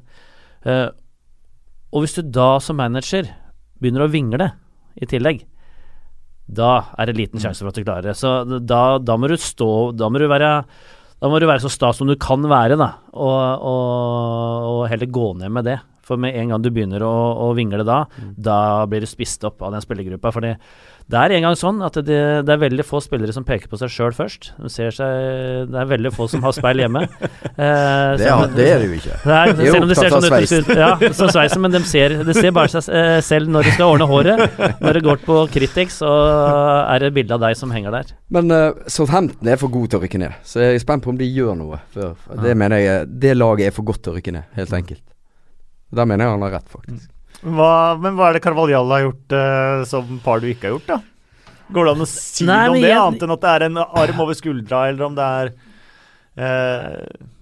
Nei, det, det er vanskelig å være sånn veldig Han har veldig ufarliggjort veldig mye, da, Carvalhall. Ja. Med alt det der eh, Men det er lett når du Når du, Når du får resultater, ja. ikke sant. Og da, da Du har jo sett Pardew danse og sjarmere på pressekonferanser når det, ting går bra der. Han er jo ikke Ja. fremmed for å tøyse litt, han heller. Men det er ikke så lett å tøyse når du taper hver eneste runde. Altså det, er, det er jo noe med det. Han er jo åpenbart en karismatisk fyr. Ja. Og så har han åpenbart uh, so fått solgt inn eh, eh, fotballen sin, da. Mm. Uh, og kanskje Swansea har det litt i blodet, den type fotball. Altså At det ligger litt i klubbveggene der. Så han er en god match for, for det laget. Da. Og, og nå, og den spillergruppa der har blitt vant til trenerbytter. Det, det er jo kanskje Jeg har ikke full oversikt, men det kanskje det har vært flest trenerbytter de siste Ja, par har sesongene, eller? Ja, til og med tre permanente i en sesong der. Ja. Eh, så, så det er en spillergruppe som er vant til den greia. Men ja, kan være at de klarer nå, nå igjen, men på sikt så er null trua på det greiene her. Det var litt sånn som Sunderland eh, dreiv, eh, og hele The Great Escape-greiene. Da, da, er det noe, da er det noe dyptliggende greier der. Og vi Eh, nevner at Sunderland ligger sist i championship. ikke sant? Og, da, og, da, og det forteller det at det, ok, eh, det var ikke managerne det var noe feil med, men det var klubben det var noe feil med. Så samtidig så er jo Du må ikke glemme at Swansea er en klubb som egentlig hver gang de overlever, så er det en bra prestasjon. Eh, så, så liksom Hvis vi ser på tabellen nå, så ligger de omtrent der vi hadde forventa at de skulle ligge. Eh, det som er ekstremt her, er jo at Carvalhall kom inn og gjorde det han gjorde, og mot god motstand. Og sånn, og klart Da da vokser den der spillergruppa. Igjen, da begynner de å spise av hånda di, og de får en selvtillit som, som er eh, helt, eh, helt enorm. Og da klarer du å vippe de kampene til din fordel. Da begynner du å glede deg til matcher. Tør å prøve på ting istedenfor å tenke konsekvenser, som vi snakka om uh, med Palace og sånn. Da det er så fort gjort å tenke konsekvenser. Vi har akkurat eh, vært gjennom eh, OL, vinter-OL. Og det som fascinerer meg nå, de siste tre-fire årene, er hvor åpne en del utøvere har blitt på at dette her at uh, det nervøsiteten Mm. holder på å ta knekken på dem. Mm. Folk spyr før de skal ut i konkurranse. Uh, folk ligger våken om natta. Uh, de får ikke i seg mat. Men så har de trent oss å takle denne her. Til og med Kjetil André Aamodt. når du setter deg ned foran skjermen da, og ser på de beste utøvere i verden, så tenker jeg at det, når han havner eller kjører ut en port, eller han havner bak på 100 meter, liksom, så tenker jeg ja, men i all verden, liksom. Dette her var dårlig. Men, men så, så, etter hvert som folk begynner å prate nå, så veit jeg at dette her er en kamp mot seg sjøl hele tida. Mm. Alle er nervøse. Det å klare å takle det voldsomme presset, vite at ja, men dette er det jeg har øvd på. Folk har forskjellige måter å, å, å handle dette her. Det er en ting som har vært undervurdert, eller ikke- ikke undervurdert, de som har drevet med idretten har, har jo visst om det, men det har ikke vært så åpent og ærlig om det. Sånn at det, folk som sitter der som tilskuere, de tror at det bare er å snøre på seg skoa og gå ut og spille, men det er ikke det. Det er en Ekstremt masse- tydelig Ja. eh, hjem, West Bromwich hjemme mot Huddersfield. Ja, det er den mest nervøse gjengen jeg har sett. Og, og når du kan da tenke deg at du, du skal være 20 spillere da, Mm. som kjemper om å være de 11, det er det første det er kampen der. Sant? Og så kommer du deg inn i elveren, og så begynner du å kjenne på det ansvaret. Eh, og, og, så det er De mekanismene der er undervurdert, da. Og når du da har en lang periode med negative opplevelser, så preger det deg. Så enkelt er det. Det er litt som vi snakka om tidligere. Det, du er menneske først, og så er du fotballspiller etterpå. Og det, det er fort gjort å glemme når man uh, sitter med fjernkontrollen uh, og Ja. kikker. Og West Brom tror jeg vi kan avskrive. Det tror jeg også. Men hva med Westham som selger IU til Swansea? Ja. Nedrykksrival, er det noe mm, som man stusser på? Mye penger, men det kan bli enda mye mer penger hvis man rykker ned på bekostning av de andre. Ja, de mente vel at han hadde så lite bidrag at eh, han ikke ville det er bra med bidrag i, i helga, da, da, de, da de slo dem. Ja. Um, ja, det blir uh, veldig, uh, veldig spennende, det. Uh, noen lag ser jo ut til å, å være litt unna, som Bournemouth, Everton, Brighton, Watford. Men eh, plutselig så er man dratt ned der òg. vi Er det- pleier å dele ut Er det West Brom Palace i siste? Det er et godt eh, spørsmål. Det er veldig lett Pal å finne ut. Det er Palace West Brom, ja. Det er det. Det er jo Oi, oi, oi, oi. Kan jo potensielt bli en uh, Ja, det kan, Veldig spennende. det kan jo faktisk bli uh, en sånn vinneren står, da. Shit, det var bra oversikt. Mm. Eh, jeg sendte dere en tekstmelding i Så- går er jeg bare for- Ja. Den. Så er det Swansea Stoke i tillegg. Ja. I siste. Tror vi må over hele gjengen. Stoke Crystal Palace i nest siste. Ja. Ja, det kan bli tidenes nedrykksstrid. det er bare å glede seg til eh, det. Vi må dele ut eh, blomster og sånt nå etter eh, etter runden. Det var moro å se på. Morata var kjempegod. Hva i all verden?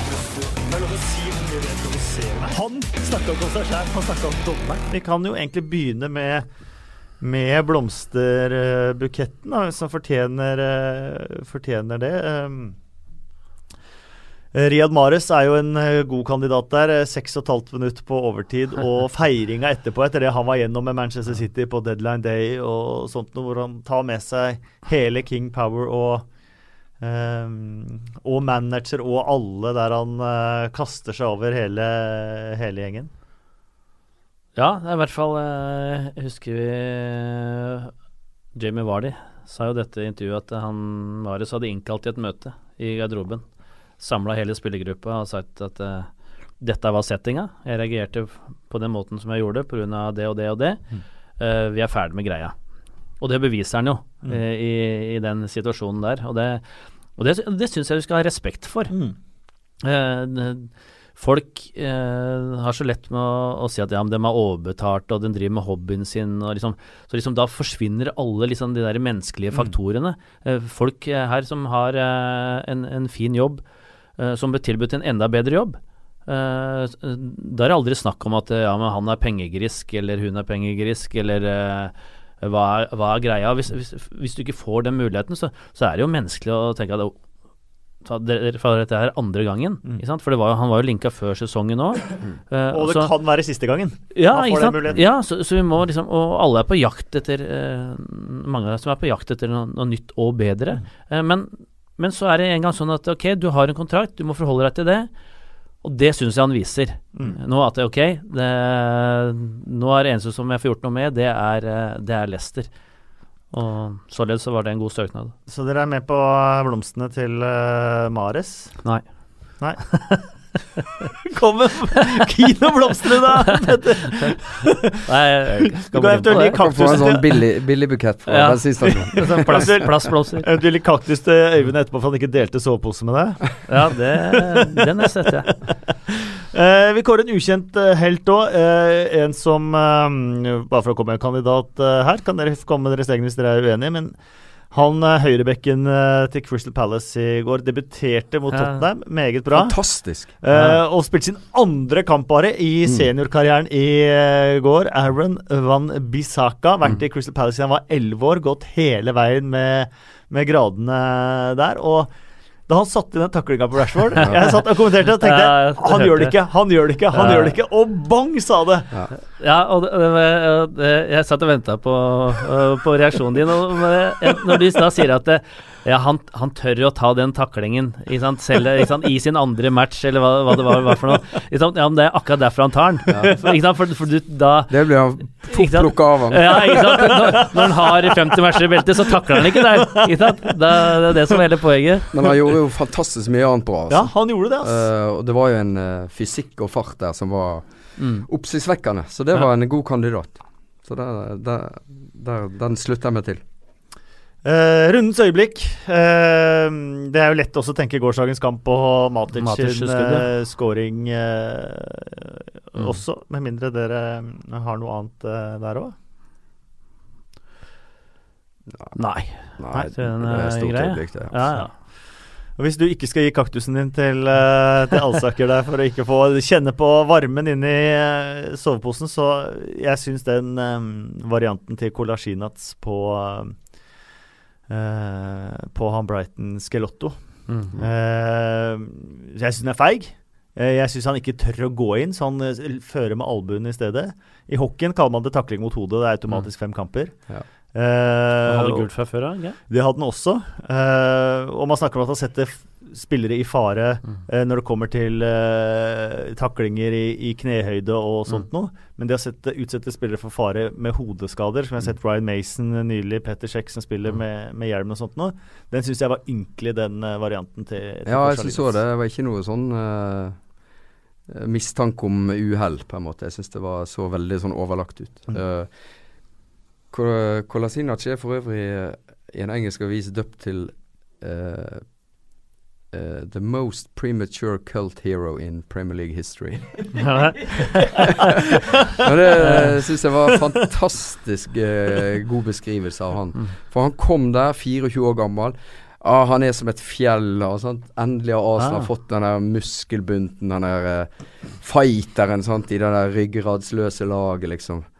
Og så ser du på han nå, eh, snart en sesong passert. Én ting er den situasjonen, men eh, eh, i møte med Bernardo Silva der Mm. le, Han får lov å gå inn på venstrefoten, liksom. Fordi han står og er hjelpeløs uh, back. Så ja. Mm. Eh, Kaktus levert. Kaktu, to kaktuser til. Da går vi over til eh, en av mine favorittmennesker, eh, Bill Edgar. Arsenals syv siste. Aldri skjedd! Første gang siden er den sjette spilleren. Fun factsene til Bill Edgar. Bill Edgar er altså mannen som har sin egen spalte i The Times eh, fotballbilag The Game, som kommer ut på mandager. Eh, har sine egne blikk på kampene han har sett i løpet av helgen. Han har kanskje hodet mer i internett og i bøker enn eh, på selve kampene. Eh, Joakim Haugnes spør eh, på eh, Twitter Jordan Ayu skårer på en straffe skaffet av sin bror. Om det ikke kommer en Bill Edgar fun fact i denne forbindelse, blir jeg skuffet. Eh, selvfølgelig gjør det det. Uh, for han er den første som blir felt eh, til straffespark hvor broren skårer, siden eh, Eh, Frank Gray skåret på straffe for Leeds etter at Eddie Gray ble tatt mot Nottingham Forest i april 1978. Så det er ikke så det på vanlig. Det var på tide at det 40 år? Men, det men det var jo Det var jo vår tid, på en måte, og et brødrepar som Som uh, Som vi har hørt om. Det der kunne jo fort vært 1928 og, Ja. og et eller annet som ikke hadde vært så festlig. Frank Eddie Gray syns jeg var, det var kult. Mm. Mm. Ehm, på tre kamper har Arsenal nå tapt hjemme, borte og på nøytral grunn. Sånn apropos 1920-tallet. Ja, ja. Og det er første gang de har tatt den trippelen siden 1925. Ehm, da tapte de mot ehm, Huddersfield hjemme, borte mot Blackburn, og eh, andre omkamp i FA-cupen på Stamford Bridge mot Westham. Da var det sånn de spilte omkamper helt til det ble avgjort. da. Var det sånn femte og sjette omkamp og sånt nå? Jeg jeg har lest noe om det. Ja, det var Da, kanskje Da, mulig. da det. snakker man om congested uh, fixtures, Ja. altså. Jeg er dårlig på den historikken der. Um, Arsène Wenger uh, tapte eh, mot Brighton. Eh, Det er uh, tapet han har hatt nærmest sitt hjemland siden han eh, startet Han er manager han i, kunne bare tatt ferja videre der, og så ja, spart noen timer. ja, det er bra. Um, så har vi selvfølgelig uh, at både uh, Josh King og Andy King uh, skåret i samme runde. Eh, og, Det er kongestats. Ja. ja vi og de er første Kings som har skåret i samme runde noensinne siden de starta i 1888. Mm. and the King er da altså utlånt fra King Power Stadium. Trippel, altså. Skikkelig uh, uh, Skikkelig trippel. Um, så hadde vi noe helt på, um, på båndet. Vi har jo Bill Edgar er Bill Edgar, så han går seg litt vill noen ganger også, syns jeg. Eh, vi kan bare ta med denne her. Johnson er manager for The Robins, eh, altså Lee Johnson i Bristol City. Eh, og Johnson er også manager for The Robins, Gary Johnson i Cheltenham. Eh, mens Robins er manager for Johnson. Det er altså Mark Robins som da er manager for Johnson Clark Harris i Coventry. Kan ikke ta den en gang til. Jeg fikk ikke helt med meg. Få spole litt fram og tilbake hvis du hører på. um, eh, og så kan jeg bare ta med da at I fem sesonger mellom 1990 og 91-sesongen til 94-95 var det ikke en eneste uh, toppseriekamp som hadde over 50 000 uh, tilskuere. Men med City Chelsea i uh, helga var det den hundrede tilfellet av uh, matcher med over 50 000 tilskuere denne sesongen. Mm. Det var Bill Edgar. Det var eh, over, eh, over ternekast fire, det. Det er mulig, det. Blir litt nysgjerrig på hvordan han har det hjemme, og ja, hvordan han liksom uh, Tror jeg ikke du vil vite. Om han har familie. Ja, er det, får katten noe ekstra godt når han finner en sånn der uh, Ekstra sets. ekstra kill-effekt? Eh, vi er på Twitter, det vet uh, de aller fleste. 2PL-pod eh, heter uh, denne på Twitter. Det er hashtaggen også. Skal vi ta med et par spørsmål eh, fra Twitter også? Magnus Dertina spør Tror dere Burnley klarer sensasjonen å passere Arsenal på tabellen innen sesongslutt. Det- Nei. Nei, i utgangspunktet ikke. Det skiller det nå Skal vi se Fem poeng? Nei. De fikk sin første seier på Ja, ja. elleve uten Tenk deg, tenk deg er elleve matcher! De har aldri snudd uh, under Daesh. Nei, første gang. 53 Før kamper. Ja. Jeg synes det er enda rarere å tenke på at de hadde sin siste seier 12.12. Lå på sjetteplass. Mm. Elleve kamper uten seier, Mm. og vi har kommet til nå. De ligger på sjuende. Det var litt som United i fjor. Mm. 15 uten tap, Mm. sjetteplass. Ja. Men, men, men der What do you have to do? ja, men der ser litt hvor skillet går, da. Ja, det går jo et skille. Men når det er sagt, Arsenal nå, det er ikke godt å si, altså. For det er ikke å kjenne igjen. Når de reduserte mot Brighton, så tenkte alle, tror jeg, instinktivt Nå kommer det i hvert fall én til, kanskje to, kanskje tre til. Mm. For det er liksom Det er litt Arsenal. Men så er ikke det Arsenal sånn som vi kjenner dem. Samme med City hjemme på Emirates. Nå tapte de den der uh, ligacupfinalen. Nå er Wenger under press. Mm. Eh, da kommer gutta, står de opp og leverer en sånn forestilling igjen som gjør at Å ja, ja, ja, men uh, we're back, liksom. Mm. Den kom heller ikke. Så Arsenal er altså i, i fritt fall og virkelig ute å kjøre. Så vi får se. Josefsen spør tanker om Karius. Har nå samme redningsprosent som Courtois, men litt bedre enn Lloris. Har holdt nullen i 10 av 17 kamper. Jeg sa til Petter Mm. på på Anfield nå at uh, for vi, snak, vi snakka om før kampen hva trenger Liverpool for å utfordre om tittelen. Eh, ja, ny keeper, sa du. Og så sa jeg ja, men har, han, eh, har vi sett nok av han Karius til å liksom avskrive han helt, da? Uh, det er for tidlig å si. Jeg sier ikke at han er svaret, men jeg sier heller ikke at han ikke er det. Mm. Jeg syns det der at han er 24 år bare, og eh, ble skada når han kom til klubben. Ok, så fikk han noen kamper den høsten, men da var Liverpool i gullkampen, når han mista plassen igjen. Uh, så var det litt blanda det han leverte med det første sesongen i Premier League osv. Dette er liksom den første virkelige muligheten der han står uh, fast, og, og liksom slipper å, å, å tenke så mye på akkurat det, i hvert fall for en periode. Og med da en van Dijk inn som jeg syns òg har liksom løfta hele den der enigheten.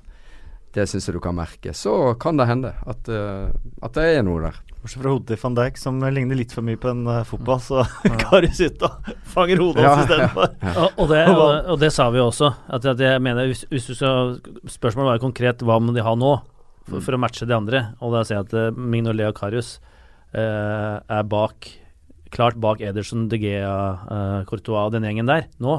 Uh, Mignolet har jo alderen mot seg. Han tror jeg ikke blir noe bedre. Han holder dette nivået nå. Karius kan jo utvikle seg, selv om han er, eh, i og med at han bare er 24 år. Så han kan jo kanskje ta det neste steget, men, men det er jo umulig å si. Ja, for eh, Vi som ikke følger dem til daglig, men for det han har prestert hadde prestert før han kom inn igjen i laget nå, var det ingenting som tilsier at han skulle ta det neste steget. Nå har han vist en periode at han uh, er en uh, solid, og, og det, solid keeper, og det, og det er viktig her når vi sitter og diskuterer de keepergreiene. Eh, folk snakker som om Karius og Minolea og sånn nesten aldri har stått i mål. Ja, det, eh, å finne keepere som er vesentlig bedre enn de gutta som står i Premier League, der, det er ekstremt vanskelig. Ikke sant? Så vi, som, vi glemmer litt greiene når vi sitter og kritiserer spillere her, så ja, men det må tross alt komme seg til Premier League. Det er det aller, aller, aller færreste som gjør. Så, så at de besitter masse gode egenskaper, eh, den keeperdunen der, selvfølgelig gjør de det. Og Karius kan utvikle dem i en alder av 24. Han kan stå i mål i hvert fall 10-12 år til. Ikke sant? Og jeg tenker at det han presterer nå resten av denne sesongen her, det er jo avgjørende på hva Liverpool gjør til sommeren. Hvis, han viser, hvis han går på noen blemmer nå, så er jo sjansen stor for at ok, de har på en måte skrinlagt Mignolet, de sikter på, på hylla til de beste.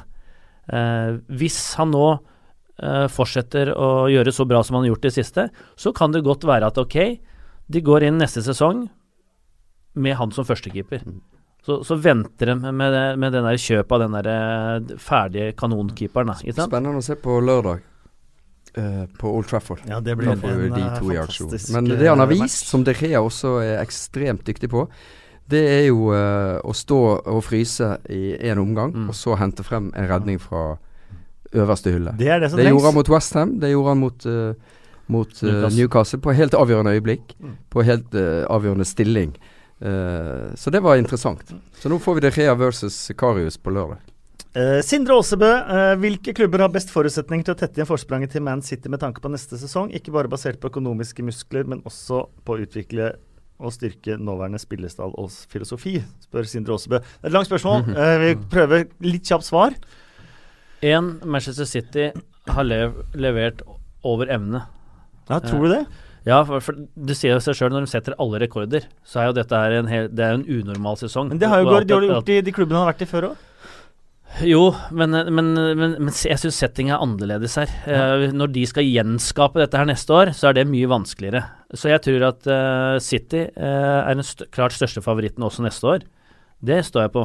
Men at de skal levere en tilsvarende sesong, hvis de nå fullfører hele, da, Mm. det veit du jo ikke, uh, det er unormalt bra, da.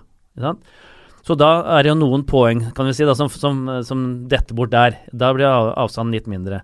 Men så må jo disse andre klubbene heve seg, og jeg mener jo at de, kanskje nå med unntak av Arsenal, så har jo de eh, andre klubbene bak der mannskap, eh, managere, eh, økonomi til å bli bedre enn det de er i år. Mm, sant? Så de, de har jo mulighet til å Jeg tenker at det, de kan fortsatt bli en del bedre, men det er vrient at City blir noe vesentlig bedre enn det de har prestert nå. da Å ta det der enda videre. Bare det å så klare å stabilisere det, blir jo en vanvittig jobb for Guardiola. Mm.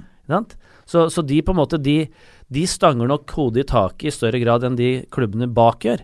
Men de må jo treffe med signeringene sine. De må fortsette å utvikle de spillerne de har. Eh, De må fokusere på det de faktisk har. Sånn som største problemet mitt med Chelsea nå er jo at Conte flyr rundt og er misfornøyd. Ja, de er de som henger litt mest etter, Ja, føler jeg. Sånn i forhold til og- Liverpool, og- Manchester United og, Ja, Tottenham. og, de, og han flyr og uttrykker sin misnøye hele tida. Hver gang han har muligheten. Og klart, når fokuset er der, da er det vrient å videreutvikle noe. Vi tar med siste fra Twitter. Det er Garman. Snakk gjerne litt om eh, Norwich. Eh, den eneste som har nevnt Norwich i dag, er vel eh, Øyvind Alsaker. Og det var eh, et 1-6-tap og nedrykk, så Det var valgt med omhu. omhu. ja. Vi eh, avslutter med fem kjappe spørsmål. Det er eh, ikke lov med særlig betenkningstid og kjappe svar. Er det ja eller nei? Eh, i, I kategorien nesten ja eller nei. Eh, hvilke tre lag rykker ned? Ja. West Brom. Stoke.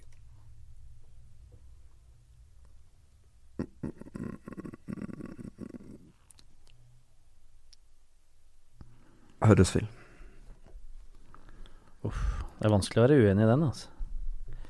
Uh, ja, det er litt kjedelig å ta de samme. West Brom. eh, Huddersfield og Stoke. Palace. Palace. Ja, det var de tre jeg skulle si, så da er vi enige. Ja. Kan man da si det i annen rekkefølge. Ja. Uh, bør Jesse Lingard være med til Russland i sommer? Ja. For meg så dreier det seg om, igjen, da, som vi snakka om Chamberlain og Wilshere i stad, hva er det som man gjør herfra ut? Ja, må få spille, da. Eh, Ja, ikke sant. Hvis du ikke Ja, det ene er alene det han presterer nå framme, og, og i eh, kommende landskamper, som gjør om han er aktuell eller ikke. FA Cup-trofé eller fjerdeplass?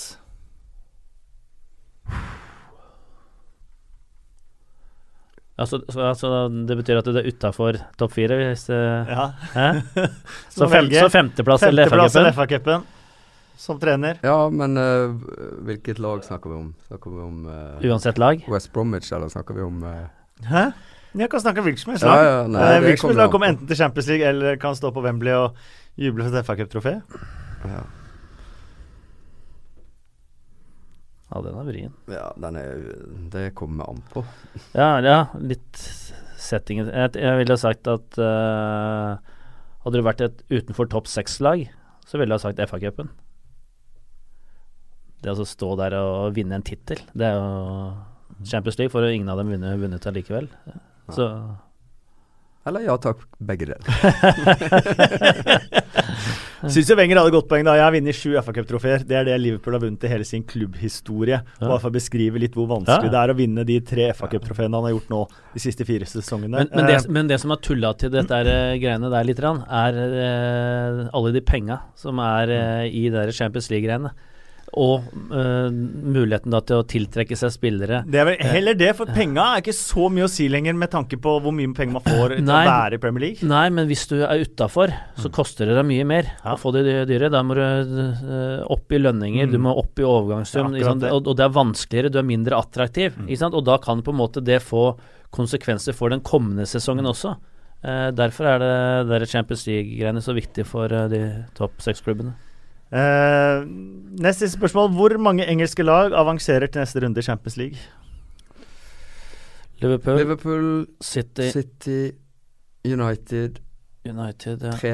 Uh, Jeg tror kanskje Tottenham òg, jeg. Ja, Tottenham. Sorry, glemte Mm. de. Fire av fem? Fire av fem. Chelsea ut. Ja. Ja.